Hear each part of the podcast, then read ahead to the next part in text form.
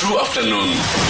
Kanti ke sikwamukela ku-true afternoon? Emva kwemini yangomvulo mane kuyanetha ke eastern cape guys. If you're driver make sure driver safe. Uthe qhu kakuhle uyofika ukhuselekileyo and ukhiphe safe for long distance xa kunethayo iyakunceda kakhulu nto leyo sitshiyo sathi ke iindaba ezingulawo mlonyeni kule mpelaveki zindaba zokutshintshwa kwedolophu eziliqela e-eastern cape. Um kutshintshwa amagama um esilungu ekuthiwa ingowethu um ngawemboleko ngamagama emboleko um kodwa ke ikomani ihambe phambili kwathiwa ke ikomani iyatshintsha nayo i mean iyaye kuba yiqueenstown kukomani not ekomani u- kukomani ya ligama lerayithi elo um ngigqiba ufumana i-correction ku-z b naye. Uthi hayi looks ay- ay- ayokomani kukomani ya u-z b uzwana ibhonxe ilegend simamele nayo guys three to six.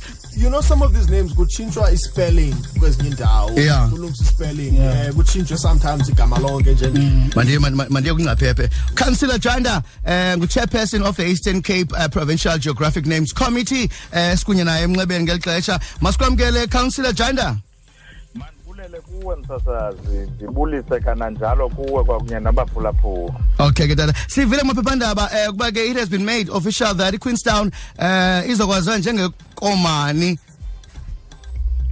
Ingaba i- i- i- ikomani kuphela e- e- e- etshintshiweyo? Khasinike ezinye iidolophu zikhona eh ayisiyokomani yodwa msasazi. Mm. eh umzekelo njengoba i- usitsho ikomani.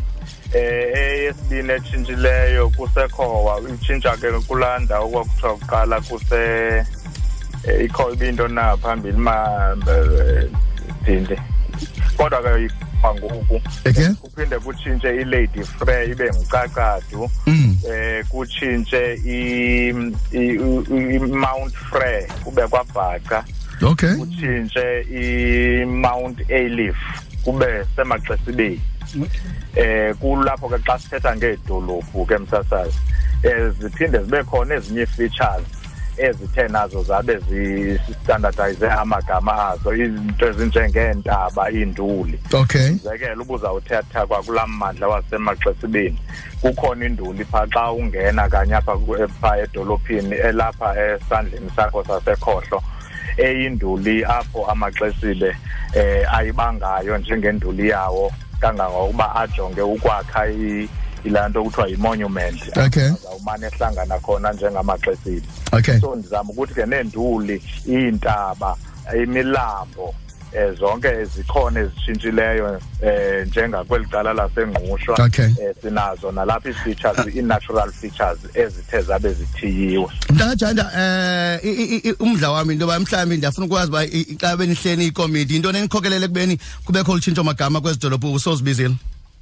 masiqala apha ke msasazi into yoba eh lo mcimbi awu- awu- awuqalwa sithi thina umsebenzi wethu njengale komiti yephondo.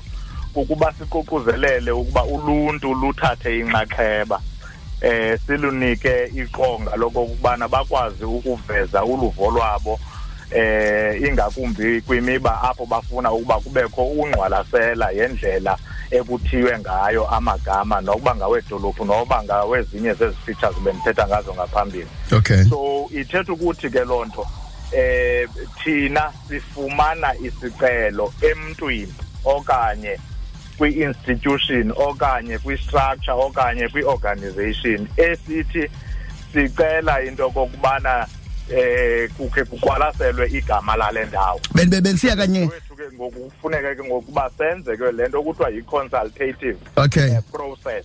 Okay. ukwenzela uba abantu bathathe inxaxheba Okay. kutsho uluvo lwabo ngokwaloo nto iphakanyiswa ngulo mntu. Okay benisiya kanye mntamjanda wena mntakajanda kuloo ndawo leyo kanye into yoba um xa kusenziwa utshintsho i- igama ledolophu ithini iprocess elandelwayo ngabo abahlali baloo ndawo bona um banenxaxheba bayidlalayo um abathi bayithathe mhlawumbi ekunikeni inputs nayo yonke nto leyo um sizoyivala msinyane bayayithatha msasazi kakhulu kuba into esiye siyenze u- u- once sifumane i-application thina siqale senze into yokuthiwa si-stakeholder consultation apho sibabiza bonke izi-stakeholders zaloo area sizichazele into yoba kukho le proposal. Sithi ke kubo sizawuphinda sibuye ke ngoku sizova uluvo lwenu uba nothini kule proposal. Okay. Xa sibuya ke ngoku sithi ke ngoku yi-public hearing leyo yenziwayo babizwe abantu kwangalaa ndlela nabanye noba bekho kwii-structures sazise emaphepheni nakumajelo sasazo. Sithi ke yizani sizowushukuxa umcimbi. Okay. atsho ke ngoku abantu uluvo lwabo sihlale phantsi ke ngoku thina siqwalasele loo nto bayithethayo.